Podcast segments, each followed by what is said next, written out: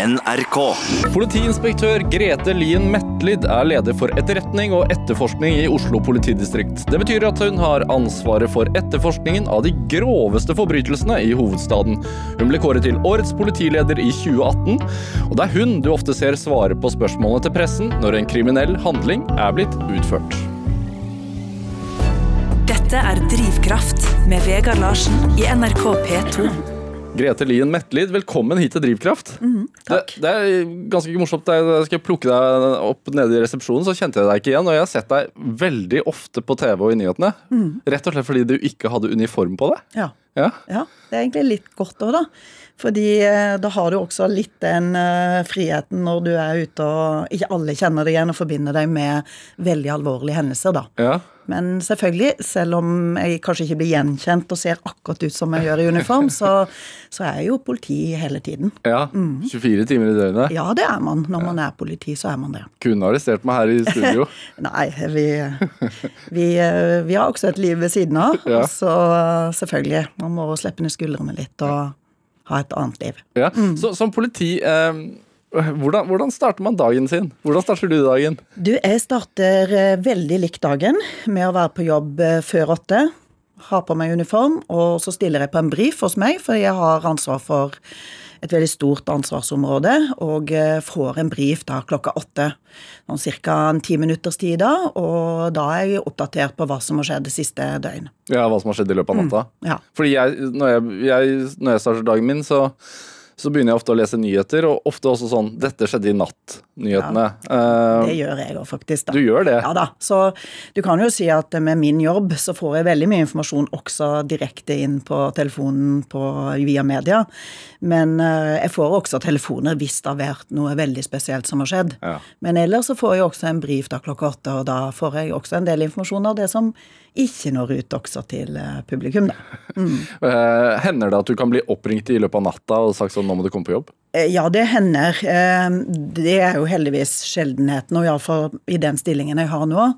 Eh, Men selvfølgelig, hvis det er veldig alvorlige hendelser, så har jeg opplevd det. Og jeg har selvfølgelig måttet møte på jobb på natt eh, en del ganger. Men så har jeg vært med veldig, veldig lenge, Ja. og jobber med alvorlige saker helt siden tidlig på 90-tallet. Så man er egentlig alltid i beredskap, selv om man er Nei, eller ja. Jeg er jo på en måte litt i beredskap, men ikke sånn at det går utover at eh, jeg ikke har på en måte fri og, og slapper av. Men at eh, man på en måte alltid har litt bak seg, at det, eller bakhodet at det kan skje noe. Men jeg har masse flinke folk, da. Ja. Så det er jo også andre som kan stille opp hvis det absolutt ikke passer og du er, ikke kan møte, da, eksempel. ja, Hvis du har tatt noen glass vin. Ja da, hvis man eh, Så kan man normalt iallfall ikke møte det. Nei. Nei. Det er jo eh, det er jo deg vi ofte ser møte pressen, mm. på både TV og i aviser, når det blir begått en grov kriminell handling i hovedstaden. Og eh, Sist jeg så deg, i hvert fall det jeg kan huske, eh, det var i, i forhold til ambulansekapringssaken her i Oslo. Ja. Du har sikkert uttalt deg siden, eh, men det var sist gang jeg sa det på en pressekonferanse på nyhetene. i hvert fall. Eh, og, og, og når dere har en sånn type altså pressekonferanse Vi ser jo deg på, på skjermen, og det er en alvorlig hendelse som har blitt utført eller blitt, blitt begått, og du må uttale deg om den. Men, men hvordan, hvordan forbereder du deg? Altså, mm. Det som kanskje mange tror, er at vi forbereder oss i lang tid og kanskje har veldig sånn eh, lange, omstendelige prosesser. og Det har vi som regel ikke tid til, fordi media og ja, hele samfunnet alt går jo så fort. Så det, vi må veldig raskt kanskje møte og svare osv. Så, videre. så ja, setter forbereder med å snakke med de som er på jobb, de som har ulik informasjon. Avklare også med andre, det er jo ikke bare kanskje jeg som skal uttale meg. Koordinere litt, eh, sette ned noen punkter. Og av og til så er det faktisk slik at det rett og slett står rett på utsida av døra før, og går, før vi går inn på presserommet, og bestemmer helt siste hva sier vi. Okay. Og det kan jo mange ganger være slik at det skjer så mye på saken at vi eh, Ja, at jeg kanskje må stå og vente og si, gi, gi beskjed inn, vi må vente fem minutter, fordi vi kanskje pågriper eller er utvikling i saken idet vi egentlig skal gå inn og holde en pressekonferanse. Og da er det en del ting som skal være avklart, og jeg skal òg være sikker på at f.eks. pårørende er varsla da, ja. før vi går på, ut i media. Men hvorfor er det viktig å informere eller gå ut i media? da? Ja, Det er en viktig rolle politiet har for å både at media skal og noen skal vite hva som skjer, og følge også litt med på politiet, selvfølgelig følge med på politiets arbeid. Men vi har også et ansvar for å informere publikum. Både om alvorlige hendelser som skjer, om det er noe som truer, men også fortelle hva politiet gjør, og at vi f.eks. jobber med en sak, jobber med å få kontroll, jobber med å skape trygghet igjen, da. Så det er klart, eh, vi har mange uh, viktige roller, men det å svare media og være synlig ut for publikum er en veldig viktig rolle, og den har blitt viktigere og viktigere, er vel ja, litt sånn min oppfattelse av det. Ja, altså Jeg er selv veldig aktiv bruker av uh, politiets Twitter-tjeneste. Ja. Uh, følger det veldig ofte, og ofte gjerne også hvis jeg hører noen utrykninger, eh, ja. både brannvesenet og, og, politiet. Hvis, de, hvis, jeg hører at det er noen utrykninger, så går jeg inn på Twitter. Hva er det som skjer? Man er jo nysgjerrig av natur, da. Ja, ja, ja. Uh, men, og, og, men, det gjør jo faktisk jeg òg. Ja, du gjør det. Ja, ja. Jeg må jo si at det er en veldig fin måte å holde seg orientert om, og det, det anbefaler vi òg. Ja. Og det ser vi også andre land gjør. Og informere om at uh, hvis det oppstår kriser osv., følg politiets f.eks. Eh, Twitter-tjeneste. Og, og, det kan jeg òg gjøre. Jeg blir jo ikke orientert om alt mulig som skjer, selv om jeg har den jobben jeg har. Gjør du ikke det? Nei, jeg gjør faktisk ikke det. Og heldigvis, sånn sett, så er det hele tida flinke folk på. Ja. Og det er jo lagt opp slik i politiet at det er de som er på, som primært skal håndtere jobben og det som skjer. Og så må vi kalle inn forsterkninger hvis det blir veldig, veldig alvorlig. Og da kan det jo hende at også jeg eller andre på mitt nivå må komme inn, da. Jeg, skulle, ønske Men, at, eh, eh, jeg skulle ønske at dere skrev enda mer der, da. Ja, det tror jeg eh, vi er veldig klar over. Og av og til så skriver vi for lite. Ja. Og jeg bruker også Twitter sjøl, og er på Twitter og prøver å bruke det som en kanal for å informere litt om ja. hva vi står i. Men ja, vi, er, vi, vi kjenner veldig på det informasjonskravet, og at vi har en plikt til å informere. Og, og av og til så er vi ikke gode nok. Og, ja. Men jeg syns stort sett at vi er, vi er, veldig bevisst på det og har veldig forhold til det, da. Den, den Twitter-kontoen er kanskje ikke noe du har ansvar for, men den har fått litt, sånn, fått litt sånn kritikk, i hvert fall i starten, hvor den forsøksvis tidvis var litt sånn humorkonto også? Det er riktig, og det er, det er klart det har vært uh, både gode tilbakemeldinger og også der vi politiet på en måte har uh, ja, ikke truffet helt bra, da. Ja. Så jeg tror at det vi lærer, vi òg. Det er viktig å få tilbakemeldinger. Ja. Og derfor er det òg viktig at man vet litt om hva at, at, man vet hva politiet holder på med. Og ja. det er jo den kritikken vi ofte får da, hvis vi er lukka og ikke kommer ut tidsnok osv. Men den åpenheten som du, du, forteller om, at du opplever at den har blitt eh, større de senere årene? Ja, jeg opplever jo at det er større krav til det, og fordi det skjer, det skjer jo generelt i samfunnet. Det er medieverdenen Medieverden er endra, eh, sosiale medier ikke minst. Og, men jeg tror eh, mye, Det har jo vært kritikk mot politiet at vi har vært for lukka, at vi ikke har vært tidsnok ute og gitt informasjon. Vi har ikke vært åpne nok om hvordan vi har jobba. Og det er, det, det er jo med rette, og det er vi opptatt av å skape mer åpenhet. Ikke bare sånn gjennom media hvis noe har skjedd, men fortelle mer om hva gjør vi? Hvordan jobber vi? Det kan det har kanskje òg vært mer av det før, at det, eh, ting skulle være litt mer hemmelig. At man hadde veldig mange forestillinger om at eh, vi måtte ikke fortelle ting ut, og det er nok heldigvis i endring. Og der tror jeg også vi som politiledere har en veldig viktig rolle. og. Jeg er veldig opptatt av å løsne opp på det, ha mer åpenhet. Hvorfor er det viktig, da? Jeg tror det er viktig fordi at man skal forstå mer hva vi står i, forstå litt hva som skjer, hvordan politiet jobber.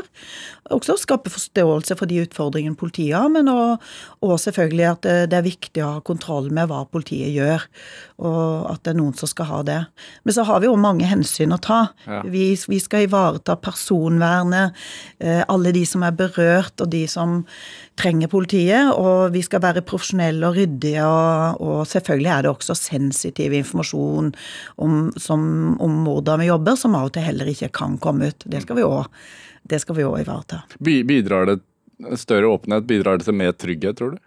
Ja, det tror jeg. Jeg tror det bidrar til trygghet. Um, å avmystifisere en del ting. Eh, vi vet jo at det er mange forestillinger om kanskje hvordan politiet har jobba, og det kommer jo fram historier som ikke alltid er så bra heller.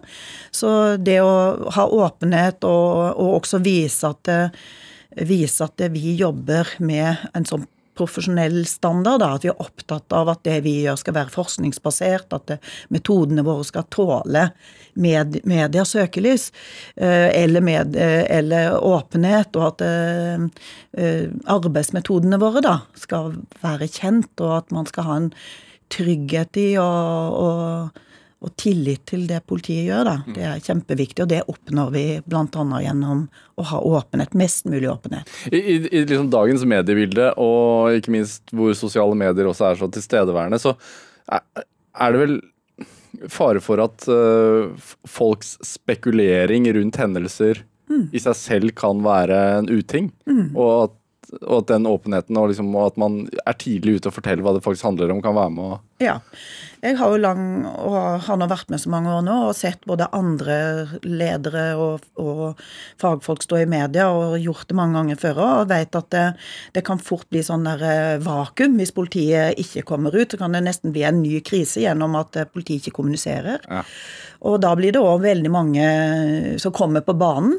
Eh, mange det er mange eksperter der ute på politiet, ja. noen bedre enn andre. Ja. Og da blir det fort å politiet er stille. Eh, nå er det på en måte Nå har man ingenting å gå på. Eh, altså Det blir fort spekulasjoner da, og, og myter om hva som egentlig skjer. Ja. Så det å være ute og kommentere, selv om du kanskje ikke har noe nytt å gå ut med, og si, også fortelle litt hva vi gjør, da. Trygge på hva vi gjør. Nå gjør politiet sånn og sånn. Nei, vi kan ikke si noe om akkurat dette nå pga. sånn og sånn. Det skaper både trygghet og, og at det, det er klart da får man også en forvissing om at det er ikke sånn at uh, politiet har gitt opp, eller har uh, Ja, at man ja, blir utrygg da, bare gjennom at man ikke vet hva som skjer. Og siden du er da ansiktet utad ofte, så, så mm. blir jo du på en måte den den trygge voksenpersonen da, som forteller oss andre hvordan tilstanden ja, er. Ja da, det er jo mange som eh, svarer media i norsk politi, og det har blitt eh, et fag, det òg. Ja. Og det, når jeg begynte og fikk egentlig litt en stafettpinne og begynne å svare media, så var det nesten sånn fra min forgjenger i en sånn jobb som var mye media, gikk av på en søndag kveld til å få Telefonen ringte til meg dagen etterpå. Det er null opplæring, ingen overlapping, og du nesten turte ikke å ta røret, selv om du skjønt så på nummeret at dette er Østlandssendingen. Det, ja. det går sikkert bra. Men uh, i dag får man også Ja, man får en helt annen trygghet inn som leder, og det legges til rette for opplæring for ledere. og og jeg er opptatt av at det ikke bare jeg som skal svare media, men at mine ledere da skal i media, og at de må få prøve seg fram litt i det tempoet som de, som de trenger, da, eller ønsker, og at man kan ha den tryggheten å spare med meg, f.eks., som har lang erfaring. Men kan du bli nervøs? Og ja, det, det, blir Ja da, det vil jo alle kunne bli, tenker jeg. Alle. Du blir møtt med masse kameraer og Ja da, men det er klart jeg har jo en trygghet i at uh, En ting er jo at du har erfaring som leder, politileder, og vært med på mange alvorlige hendelser, vet hva som spørres etter, vet hva man, skal, hva man kan si noe om, og hva man ikke kan svare på. Men uh, jeg har jo lang farts i politiet. Jeg har jo begynt med å jobbe ute på gata til å være etterforsker i mange år. Jeg vet jo hva, liksom, hva som skjer, vært på mange nivåer i politiet. Så det gjør jo også en trygghet i å kunne stå og svare eh, iallfall i en tidlig fase, hvor spørsmålene kan være alt fra mer sånn trygghetsbudskap til eh, hva gjør politiet akkurat nå. Så jeg trenger ikke noen som må fortelle meg om absolutt alt jeg skal si. Nei jeg har god kunnskap om politiet, da, hva som skjer. Er det en fordel som leder, tenker du, i hvert fall i, i, i din bransje, at, eh, at, du har jobbet deg opp fra gulvet, holdt jeg på å si? Altså at du veit hvordan leddene fungerer? Mm, ja, det er jeg vil tro. Iallfall at det er en fordel og en styrke å kjenne etaten godt. Ja. Ha god kunnskap. Og så vil jo ingen av oss ha jobba på absolutt alle steder, og det er jo så stort og mangfoldig, et politiet. Eh, men å ha god kunnskap og innsikt, ja, det gir en trygghet, og, og som jeg mener er ganske viktig som politileder. Du er jo etterforskningsleder, eh, men, men deltar du i etterforskningen selv? Jeg vil ikke faktisk si at jeg er etterforskningsleder, for det er et begrep vi bruker om de som okay, fysisk sitter og Ja. leder saken. ja. eh, Både påtale og, og politifaglig. Ja. Men ja, jeg leder jo eh, mange etterforskninger samtidig. Og kan også og være også ansikt utad på en sak. Og da forholder jeg meg alltid til de som sitter tettest på saken. For det er de som er faktisk de jeg må rådføre med. Skal vi gå ut med dette nå, eller skal vi vente? Og så sparer jo de også med meg, også, som selvfølgelig òg har bakgrunn fra en sånn jobb. Men det er de som setter rammene. Men, men kan, Mm. hender det at du går inn og gjør aktiv etterforskning på egen hånd? Eh, nei, det gjør jeg ikke lenger. Jeg går ikke inn og ned og begynner å bli etterforsker lenger. Det, det ville vært veldig feil. Og selv om jeg har lang erfaring som etterforsker, så, så skjønner jeg veldig godt at jeg ikke er etterforsker lenger. Ja. Hender det at du savner det å være ute på gata, f.eks.? Nå er det veldig lenge siden jeg var ute på gata, men at jeg av og til savner det å være litt mer sånn operativ eh, og kunne være den som litt sånn foretar seg noe F.eks. når noe har skjedd, det kan man jo av og til kjenne på. Fordi det er vel litt òg med politiyrket at mange som søker seg til det, er litt handlingsorienterte, liker å være litt hands on, liker å være liksom sånn gjøre noe fysisk når noe skjer. Men uh, det er en veldig viktig rolle å, å være politileder. Det tror jeg. Og ivareta det som, som, som vi skal gjøre, da. Når, eh, når eh, ja, f.eks. alvorlige hendelser inntreffer. Ja. Jeg bare tenker Det må jo være en ekstra følelse noen ganger å gi en spesiell arbeidsdag og sette på disse blålysene og kjøre på. Liksom. Ja, det, men det er jo jobben til politiet, og, og som, eh, som jeg vet at politifolk hver eneste dag er veldig opptatt av å gjøre så god jobb som mulig. Ja. Dette er Drivkraft med Vegard Larsen i NRK P2. Og I dag så har vi politiinspektør i Oslo, Grete Lien Metlid, her hos meg. Eh, Jeg, jeg, jeg, jeg syns, eh, og det tror jeg jeg deler med veldig mange, politiarbeid er spennende. Eh, Spesielt etterforskningsarbeid, og jeg tror liksom mye av skylden for det Det er nok krimbøker og krim på TV og sånne ting som er skylden i at jeg tenker Oi, så spennende det er. Ja. Um, vil- vil du si at liksom Harry Hole er en troverdig politietterforsker? Eh, Nei, det er han jo absolutt ikke. Eh, Så er det jo selvfølgelig Hvorfor enkelte Nei. ehm, Jeg tror at eh, for det første så er det ikke slik at politiarbeid og etterforskning, da, f.eks. den type etterforskning, er veldig sånn dreven fram av en enkeltperson. Det er et teamarbeid. Det er egentlig politiet i stort. Det er totalinnsatsen som gjelder, fra de som kommer først på stedet og til de som sitter på operasjonssentralen og tar telefonen når noen ringer inn, til det å komme inn som eh, etterforsker eller kriminaltekniker, eller, eller for så vidt være en veldig god spesialist på avhør, f.eks. Men det er liksom den totalinnsatsen, og det er ikke den enkeltpersonen som liksom går rundt og eh, heller går rundt sånn alene i Oslos gater og finner ut det ene og andre. Det, det er på en litt annen måte. Litt annen Men, men selvfølgelig, det er jo elementer i disse historiene som også vi kjenner oss igjen i, og det har jo heldigvis blitt bedre kvalitet, synes jeg, på mye av eh, det som er mer litteraturen og, og underholdningsbransjen, da. Men jeg, men jeg er veldig opptatt av at vi må være liksom bevisst på at det vi står i, det er på en måte ikke underholdning. Nei. Og det er veldig alvorlige ting, da, å møte med folk som blir veldig Ja, livet blir snudd opp ned, og, og man blir veldig, veldig berørt av uh, veldig, veldig alvorlige hendelser, da. Og at det, det er det vi står i, og som er hverdagen vår, da.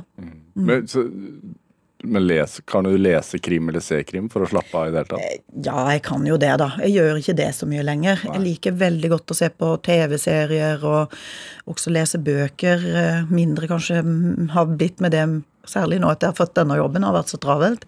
Men, eh, men jeg kobler av med serier og går gjerne på kino, men det er ikke liksom krim som står øverst. Det er det ikke. Hva tenker du om sånne do, dokumentarserier på TV som true crime-serier, som, som baserer seg på uoppklarte Mm. kriminelle handlinger ofte? Hva, hvor- Ja, jeg er litt sånn delt på det. Jeg ser selvfølgelig at eh, det er gode eksempler her, og, og, at det er også viktig for politiet at vi kan bruke media i ledd i det å også oppklare saker. De har en veldig viktig rolle der. Men eh, noe syns jeg blir veldig tendensiøst og veldig i underholdningssporet. Og det er jo viktig å huske på at eh, det tar veldig mye ressurser òg, hvis politiet skal stille opp alt dette, som av og til gjør at vi vi klarer ikke å stå i det som da faktisk er påkrevd, og det som vi egentlig må, må prioritere. Så vi ganske, Hverdagen vår er veldig tøff eh, med, med prioritering hele tida. Og da må vi nok av og til si nei til enkelte av de, de true crime-henvendelsene og si at dette kan vi ikke stille på nå, dette må vente, f.eks.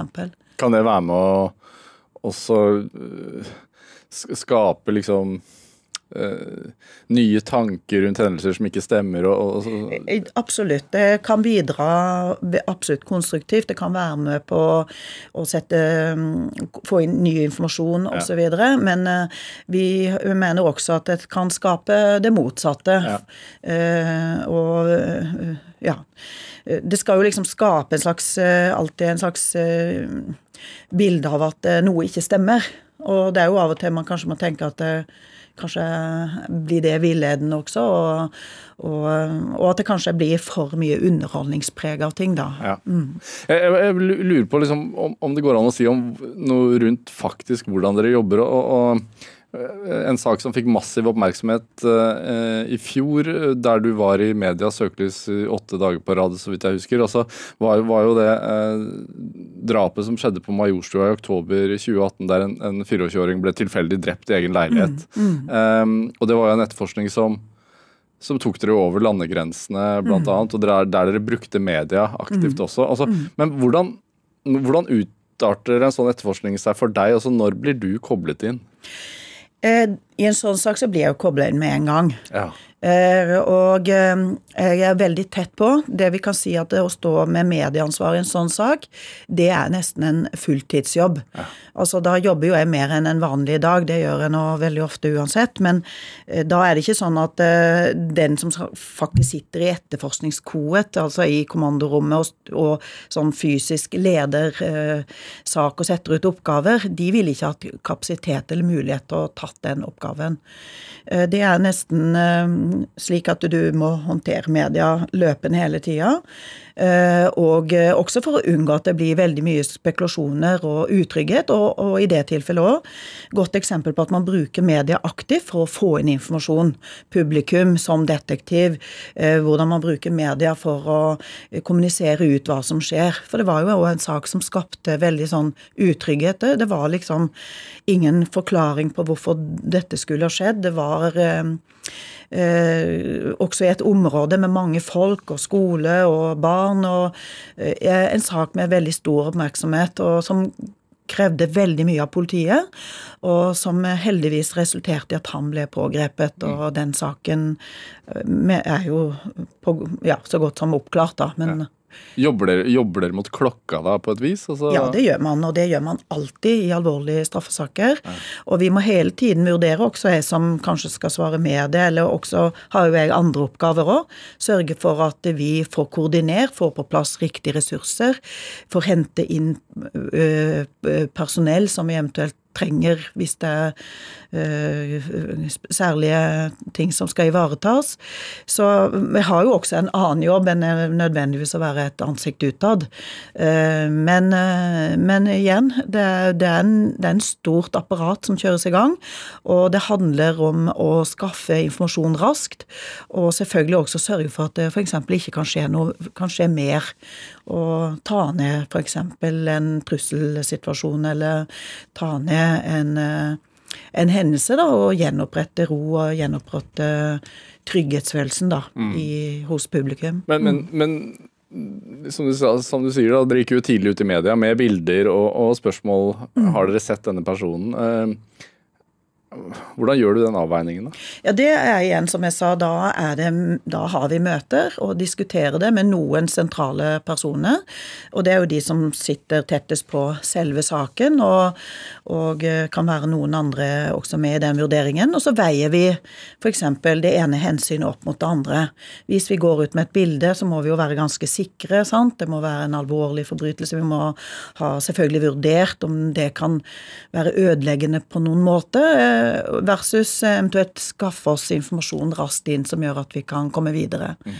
Så hjelper det alltid veldig godt da å ha flinke folk med seg, og ha erfarne folk på ulike nivåer i organisasjonen, og ha god, ja, god eh, erfaring og bakgrunn sjøl òg. Mm. Eh, så er jo jeg litt opptatt av at politiet er jo mer enn bare også disse enkeltsakene og eh, de som får veldig stor oppmerksomhet. Vi håndterer utrolig mye saker.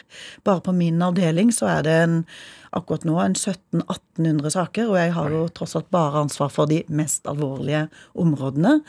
Og jeg har mange, mange etterforskere, dyktige politiadvokater og andre operative personell som jobber med å hente inn informasjon og prøve å finne ut hva som har skjedd i disse sakene, men også jobbe for å være i forkant. 1700-1800 saker, hva, hva er det, i hvilket tidsrom snakker vi da? Så De aller fleste sakene vi jobber med nå, har jo skjedd i løpet av dette året og, og i fjor. Men vi har jo også saker langt tilbake i tid. For det kan være saker som er lagt bort, og så kommer det nye opplysninger. Men så jobber vi også med andre oppgaver òg. Jeg har også ansvar for å ha et situasjonsbilde. Hva skjer i Oslo? Eh, hva er det vi må jobbe for at skal forhindre skjer? Hva kan skje på litt lengre sikt. Hva har vi for lite kunnskap om innen f.eks. kriminalitetsbildet? Eh, vi må jobbe med å ta ned konflikter eh, mellom Det kan være kriminelle som har konflikter. Det kan være at vi får inn opplysninger som gjør at vi må ut og eh, sørge for at vi er i forkant, istedenfor at en alvorlig hendelse skjer. Så. Hvordan jobber dere mot, for det, da? Det er jo det er mange, det er vanskelig jo, å se. Ja da. Men uh, det er jo litt det at politiet må være tett på og være der ute. Ja. Både de som jobber ute på, uh, på gata, de som uh, enten du er i uniform eller sivilt, de som jobber med å møte publikum på ulike arenaer. Og så samle det situasjonsbildet da, og så også vurdere da som leder hva må vi iverksette nå. Så politiet handler mer om enn eh, straffesaker når noe har skjedd. Det handler om å skape en trygghet og også være i forkant. Har, har dere for mange arbeidsoppgaver? Jeg tror vi har eh, Vi har jo de viktige oppgavene som det er politiet som må ivareta, men vi er nok veldig opptatt av at eh, det veldig fort blir pekt på politiet som de eneste problemløserne. Og det er veldig mange andre som skal bidra inn for å f.eks. unngå at unge mennesker blir eh, f.eks. blir involvert i alvorlig kriminalitet, eh, får et liv innen gjengkriminalitet f.eks. Altså, du synes det er, det er liksom, Hvis politiet får kritikk for at uh, unge mennesker begår kriminelle handlinger, så er ikke det nødvendigvis politiets feil? Eh, det kan godt være at det er noe politiet ikke har vært gode nok på, men det ligger nok mest ansvar og veldig mange, mye stort ansvar på mange andre enn politiet. Eh, vi skal nok helst komme inn når det har selvfølgelig gått alvorlig galt, og folk har kommet langt i selvfølgelig sin karriere, eventuelt som, som kriminell. Men forebyggende arbeid er egentlig ikke politiets oppgave? Sånn. Forebyggende arbeid er egentlig den viktigste strategien i politiet. Vi skal være i forkant. Men når det gjelder å forhindre at uh, unge mennesker blir, får en kriminell løpebane, da er det nok veldig mange andre som har et stort og viktig ansvar enn politiet. Som f.eks.? Skole, uh, kommunale tjenester barnevern. Eh, alle vi som lever i byen eller i, landet vårt. Eh, eh, alle som selvfølgelig er foreldre, alle som har en eller annen voksenrolle, som ser at noe er galt, og som skal være med og bidra at man kommer inn tidlig og får satt inn tiltak for de som har en dårlig utvikling. Så mer tilstedeværende politi, det er egentlig en litt sein løsning? Eh, det er nok veldig viktig på veldig mange områder, men jeg tror det er viktig at vi ser at uh, vi skal uh, Vi har en viktig rolle, men det er veldig mange andre som skal bidra for at vi skal lykkes. Dette er Drivkraft med Vegard Larsen i NRK P2.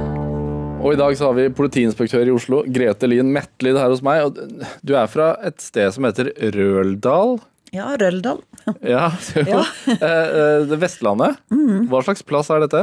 Det er en veldig liten plass, som kanskje mange ikke vet hvor er, men det er egentlig akkurat når du bikker over Haukeli og Langfjella til eh, Vestlandet, så kommer du til ei lita bygd der. Hva, hvor liten snakker vi? Ja, vi snakker iallfall om at det er godt under 500 som bor der. Alle kjenner alle? Alle kjenner alle. Låser man døren? Eh, Ja, jeg tror de fleste gjør det i dag, men jeg tror det går veldig fint hvis du ikke har gjort det. Ja, Eh, det, er en plass uten politi eller lensmann? ja det har vel aldri vært noe politi eller lensmannskontor der så lenge jeg eh, Eller når jeg vokste opp. Nei. Eh, Så det var jo ingen sånne ja, det, det var vel ingen sånne rollemodeller, eller Det var jo nok ikke det som medførte at jeg ble politi, da, for å si det sånn. Husker du første gang du så en politibil, da? Var det sånn? Nei, nei, jeg tipper det var nå etter jeg begynte i politiskolen, kanskje. er det sant? Ja, jeg tror det. Iallfall jeg ikke huske det før det. Nei. Når, når, man, man, når man vokser opp eh, en plass liksom helt uten politi, eh, hvordan finner man ut at man skal bli nettopp det? Ja, ja det, jeg vet ikke om det er så veldig godt svar på det. Det var iallfall ikke noe jeg tenkte å, eller drømte om. Hadde ikke noe forhold til det.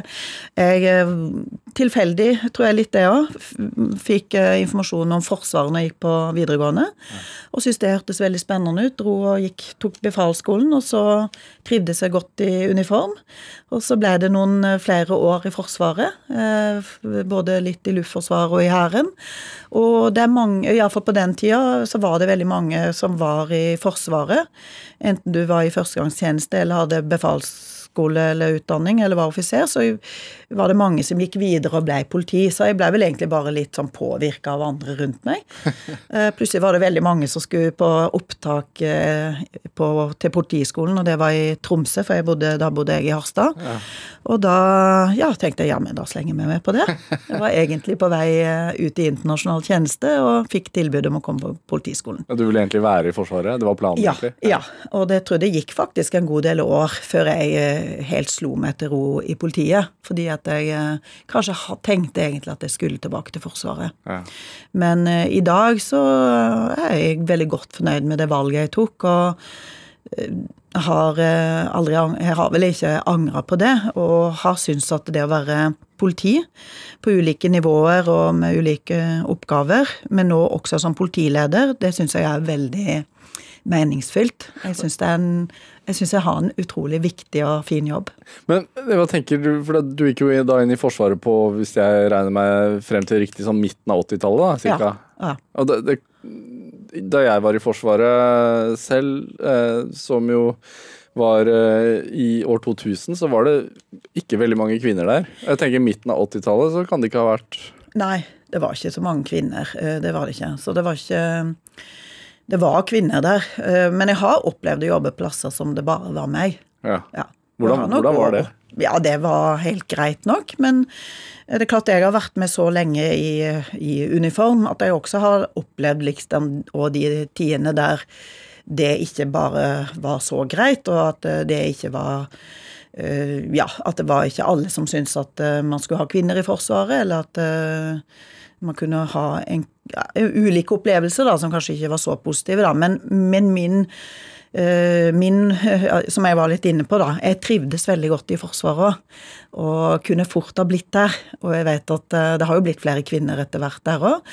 Akkurat som det har blitt det i politiet på, på ulike nivåer. Og, men fortsatt så syns jo jeg både Forsvaret og politiet har noe å gå på med å få kvinner litt mer opp og fram. Eh, Særlig kvinner med litt mer operativ bakgrunn og politibakgrunn.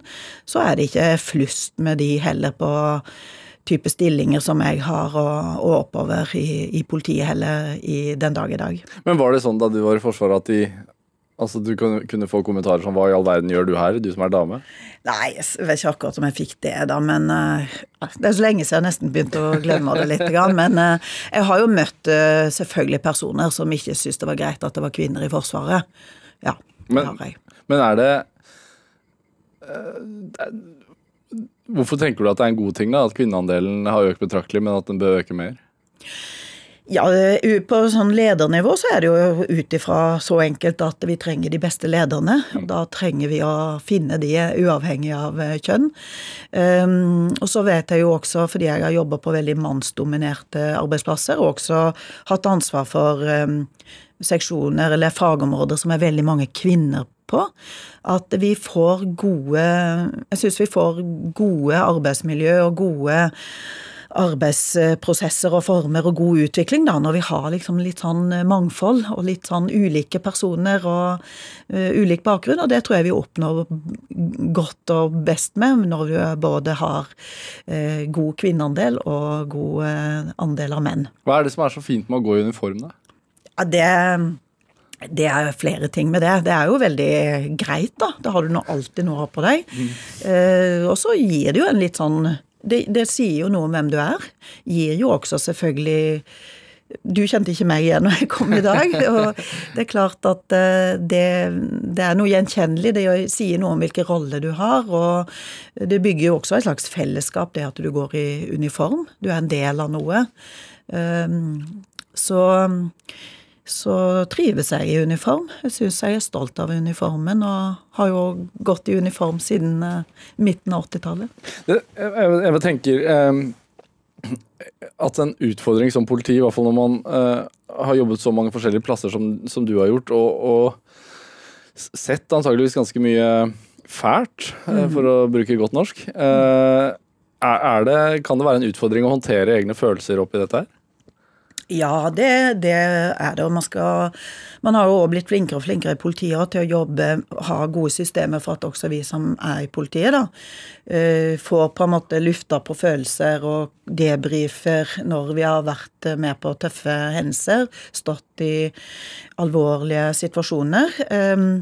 Vi har vært flinke på enkelte områder. Nå begynner vi å bli flinkere på de områdene som kanskje ikke har vært så løfta fram, da, når det gjelder det å ivareta ta ansatte, f.eks. de som jobber med overgrepsmateriale, overgrep mot barn. At du også blir eksponert og kan bli traumatisert av å stå i det over tid. Det er vi jo veldig bevisst på i dag. Samme som folk som er ute på gata og kommer i en situasjon der du blir trua med våpen, f.eks. Der vi mer tradisjonelt har vært, iallfall tidligere, i gang med da, å jobbe systematisk med, med å ivareta de, de, de politifolkene folka. Ja.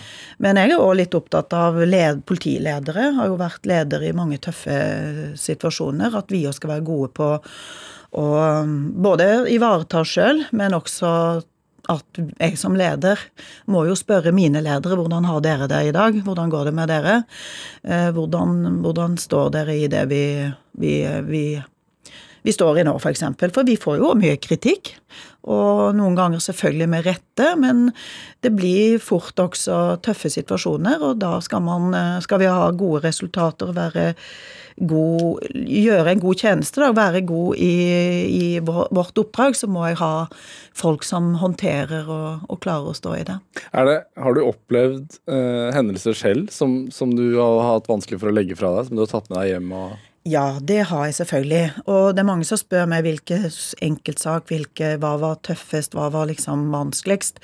Og det er klart det kan være hendelser fra du har vært helt sånn i en, i en uh, tøff situasjon mens jeg jobber på gata, til å stå mer i tøffe saker, ha stort, tungt ansvar. Uh, selvfølgelig er det lett å da kanskje trekke fram saker som 22 og var på politihuset når det smalt, og liksom kjenne på den nå står vi faktisk i en terrorhendelse i Oslo i Norge. Det var kjempetøft, og det er veldig rart å tenke etterpå at den første som spurte meg om hva skjedde den ettermiddagen, hva gjorde du? Det var den kommisjonen som evaluerte oss, og det var nesten iallfall tre kvart år etterpå. Oi. Så, så det, det, tar jeg med meg litt sånn hvor viktig det er å, å også se og høre litt fra folk i det daglige, og lederne mine òg. Hvordan, hvordan, har dere det, og hva gjør dere nå, hva, det, hva står dere i? Jeg må jo også si at det er mange saker opp igjennom, uten at det da liksom alltid blir, Man trekker kanskje fram saker som har vært mye i media, vi har vært inne på noen nå. Men det er kanskje enkelthendelser. Enkelt, det kan være møter. Personer du har møtt som politi, som, som jeg eh, tar med meg, da, som, eh, som er viktige, som kanskje kunne, kan ha skjedd for mange mange år siden, men som jeg kommer på i ulike settinger, og, og som, som, har gjort noe med meg, da, som gjør at det, det er viktige ting som, som, jeg er opptatt av som leder. F.eks. det å ivareta uh, pårørende når noe skjer, eller f.eks. det at, uh, at vi må være gode på å møte folk, da vi kan være veldig opptatt av at vi skal rapportere og være, ting skal gå fort, og vi skal få unna saker. og Det er veldig mye rapporteringer og, og, og spørsmål om sånne fakta og, og øh, øh, saksbehandlingstid osv. Men det er jo der og da det gjelder. Um, jeg tenker jo, du er jo, altså Som, som politi så er man jo menneske også. Ja, så man vil ja. føle ja. sånn, Man vil jo føle empati overfor uh, det gjør vi. Ofre, ja. pårørende. Og samtidig så må vi jo være eh, profesjonelle og sant, fordi vi skal Det er jo det er jobben vår, vi må være gode til å møte folk. En gang veldig tidlig i karrieren så, så opplevde jeg en sak der vi jobber med en, etterforskning, en etterforskning av et seksuelt uh, overgrep. En veldig alvorlig sak. Men der vi nøsta på historikken til han som ble sikta og etter hvert dømt i den saken. Og da fant vi jo en gammel sak med andre barn. Og det var jo barn som nå var voksne, voksne damer som var mye eldre enn meg. Og det å møte de, dette er jo så mange år siden, og høre de fortelle eh, en historie som voksne som politiet den gangen, når de kom til politiet, ikke var i stand til å ta imot. Og de hadde egentlig aldri fått fortalt dette før de var voksne, hvordan de gråt med åpen munn. Eh, og, og, hvordan jeg skjønte da at de hadde ikke blitt møtt på en ordentlig måte. Det var, det, politiet hadde ikke vært i stand til å møte dem. Politiet hadde ikke vært i stand til å ta imot og stå i det som var vanskelig. Og det, det har jeg med meg uh, i jobben min. At vi må være gode der og da. Og mine folk må være gode og trygge til å, å stå i det som er vanskelig, og ta imot det som er veldig vanskelig for, uh, for de vi møter, da. Mm. Er det, det inspirerer deg til å bli en bedre leder, og at ja. politiet skal ja. bli bedre? Ja. Eh, som politileder og det nivået jeg er på nå, så er jo jeg veldig opptatt av at vi skal jobbe hele tida med utvikling, bli bedre. Jo, det er jo ikke sånn at politiet ikke gjør feil. Det er ikke sånn at det vil kunne skje ting som ikke er godt nok politiarbeid. Men du må liksom tenke at vi skal jobbe for at det skal bli minimere, da. At det skjer feil. At mine folk og våre folk i politiet skal være så gode at vi klarer å møte folk, og vi klarer å ta og håndtere saker der og da, og komme tidsnok og, og, og, og bety en forskjell, da. Ja. Eh, for, eh, for, eh, for publikum og de som trenger oss. Og det er jo mange ganger jeg har tenkt at det er jo den tilliten som er viktig for politiet. Og jeg har jo, vet jo det at det er folk som kanskje ikke liker politiet, eller som har dårlig erfaring med politiet, også de ringer til politiet når de trenger hjelp eller kommer i en veldig vanskelig situasjon. Hva tenker du om det? da? Jeg tenker at det er veldig god tilbakemelding til politiet. Ja. Mm. En annen viktig ting som dere gjør, er jo altså dere oppklarer jo saker. Eh, og håndterer eh, hendelser når de, når de, skjer der og da i bybildet f.eks. Men, men det, den andre siden er jo at dere eh, møter pårørende. Mm. Um, og, og, jeg veit at det, det, er en side av eh, arbeidet som du brenner for, mm. og også har villet gjøre. Ja. Jeg, eh, det er klart Jeg møter ikke alle pårørende selvfølgelig en alvorlig sak lenger. Men hvis jeg svarer media en sak, så prøver jeg å også få til at jeg skal komme og møte pårørende. Veldig mange andre. Vi har jo I Oslo politidistrikt så har vi jo egne personer som, er, som jobber bare med pårørende og gir eh, følge opp pårørende i alvorlige saker. Og de som også jobber ute på gata, de som jobber på, med straksetterforskning, er veldig drevne og flinke til å møte pårørende. Vi har veldig bevissthet rundt det, og jeg har møtt mange pårørende, og jeg har også møtt pårørende når vi ikke har vært gode nok. Eh, og derfor er, derfor er jeg opptatt av at, at, dette skal sitte bra. Dette skal vi håndtere. Dette må vi være i stand til å, å møte, og det må mine folk være gode på. Hvordan opplever du det selv, da? Ja, jeg er jo heldigvis jeg er fortsatt en person som blir berørt, og, og er opptatt av eh, de menneskene vi eh, Og at det ikke bare er saker. Samtidig så er jeg jo opptatt av å være en profesjonell leder, som eh, selvfølgelig skal ivareta veldig mye. Mye mer enn bare folka mine og oppgavene, polititjenestene, så, så er jeg opptatt av å være tilstedeværende som leder. Være hverdagen. Eh, være en leder som er synlig, være en som går rundt og snakker med folk for å høre historiene, også når det er noe som ikke har vært godt nok, men også alle de historiene som forteller at vi gjør en veldig god jobb. Da. Men, men er det, du sier heldigvis er jeg en person som fremdeles blir berørt. Ja. Uh, det, kan det være en bakside av arbeidet, altså jobben din, at man blir hard? Ja, det kan eh, være at man blir det òg. Selvfølgelig. Det vi må jo vi som politiledere være bevisst på. At det er en slitasje i det å være politi.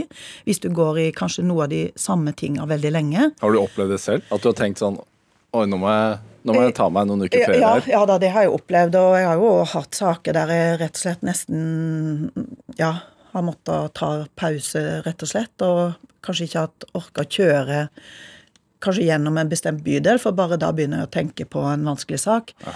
Men jeg syns vel litt med åra at det, det, det, var kanskje vanskeligere før. Altså det, det, det er god det er, det er fordeler med å være voksen dame over 50, for å si det sånn, da med mange år bak seg.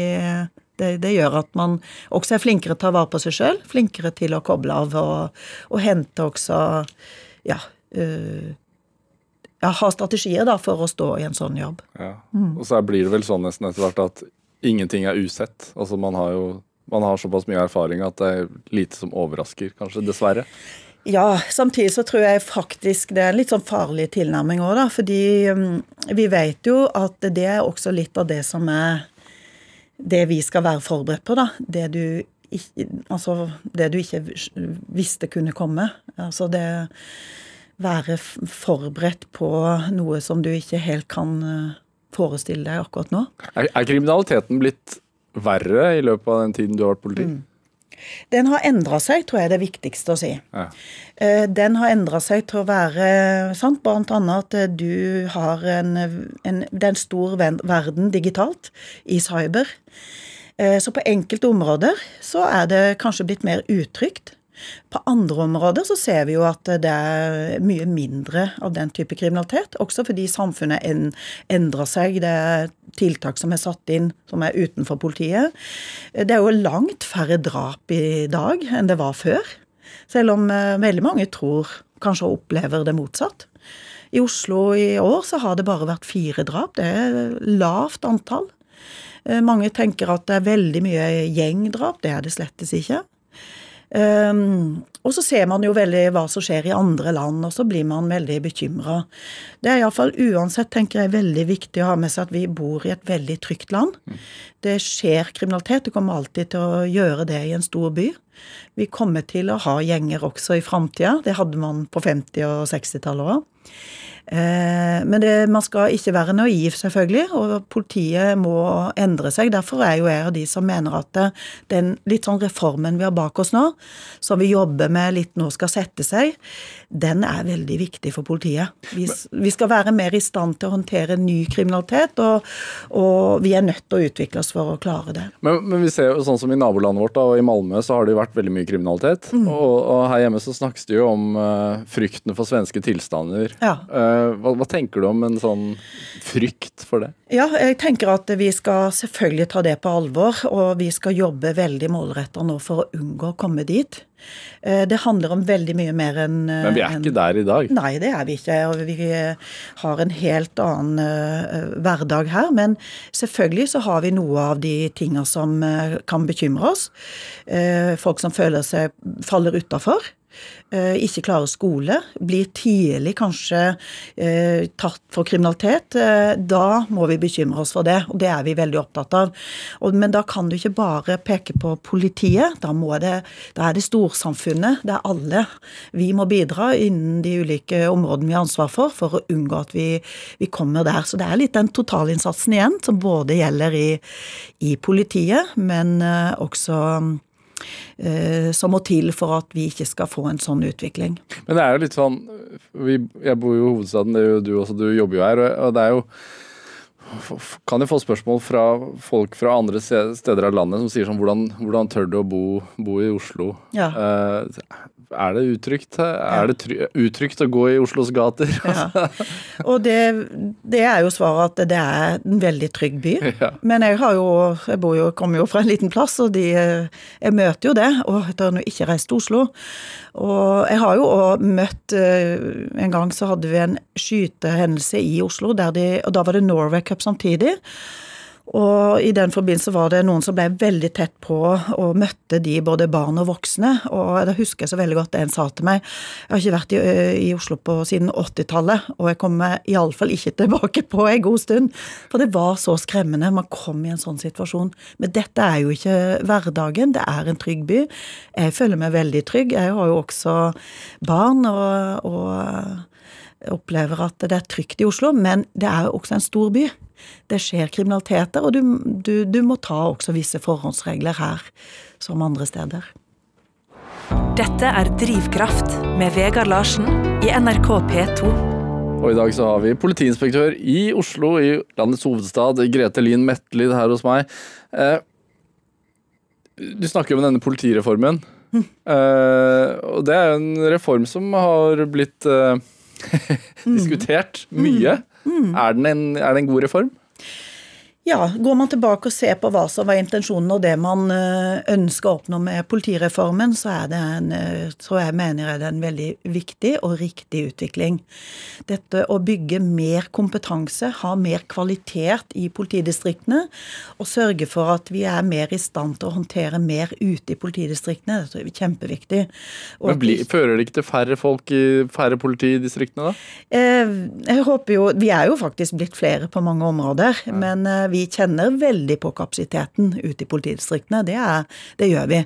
For samtidig, det har ikke noe med reformen å gjøre, men jeg tenker det òg har med veldig mye annet som har skjedd. Vi har fått veldig mange andre krav til kvalitet hos politiet som vi ikke hadde før. Og så har det blitt en utvikling, litt som vi var inne på, at det er sakene skjer på andre plattformer. Det skjer ute på nett dette. Vi må ha annen kompetanse som vi kanskje ikke har godt nok utvikla. Så det krever at vi endrer oss. Jeg har veldig tro på det vi gjør, men men det krever også at ikke det blir mer byråkrati. Det kan ikke bli flere folk nå som sitter sentralt og skal, eh, skal eh, på en måte eh, passe på hva vi gjør i politidistriktene, eller komme ut hvis vi trenger hjelp. Det må bli flere folk i politidistriktene, og det er der vi skal liksom utvikle politiet nå. Og da er det jo litt igjen tilbake til det at vi står i utvikling og endring, og at skal du begynne med noe nytt, så må du også slutte med litt med det gamle, for å si det sånn. Det er en ganske grei tilnærming på det meste når du skal endre deg. Men, men tenker du sånn at det brukes for mye ressurser og kapasitet på liksom, hva skal man si, mindre farlige forbrytelser? da? Altså jeg tenker sånn eh, tagging, enkle sånne narkotikaforseelser. Ja, enkelte ting så tror jeg vi fortsatt bruker for mye tid og ressurser på. Ja. Eh, samtidig så vet vi at eh, politiet bruker mesteparten av etterforskningsressursene sine på et lite antall saker. Og det er da de veldig alvorlige sakene. Eh, men jeg tror, eh, litt som du er inne på, det er fortsatt enkelte områder som jeg iallfall er helt enig i. Politiet må bruke mindre tid på. Så eh, alvorlige saker som seksuallovbrudd, vold i familier Dette er jo veldig prioriterte områder nå, og det tar mye ressurser, og det skal det også gjøre i framtida. Hva, hva, hva tenker du selv da, når dere er nødt til å droppe saker rett og slett pga. ressurs? Det syns jeg er kjempevanskelig. Og det er jo noe av det vi står i, at vi blir utfordra hele tida. Det er tøft å være politileder i dag. Det er tøffe prioriteringer, og kravene til kvalitet er skyhøye. Det skal det være. Vi skal levere godt.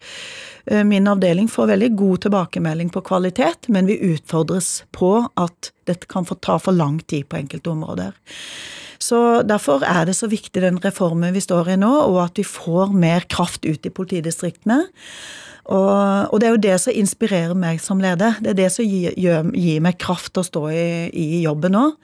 At vi får til mer og mer. At vi jobber mer på tvers i dag enn vi gjorde før. At jeg opplever at noen av de skottene og noen av de siloene vi befant oss i, de er litt på vei ut. Og at vi sånn sett syns jeg har en Det er en god utvikling, men fortsatt så er vi i ei brytningstid. Sånn at uh, man må på en måte ha med seg at det, det, er store endringer, og at det tar litt tid før dette setter seg og vi får full effekt. Men, ja, uh, tror du det er mulig i det hele tatt å, å ha et politi som har kapasitet til å ta tak i alle saker som, som kommer inn? Nei da, det, det, tror jeg ikke er mulig.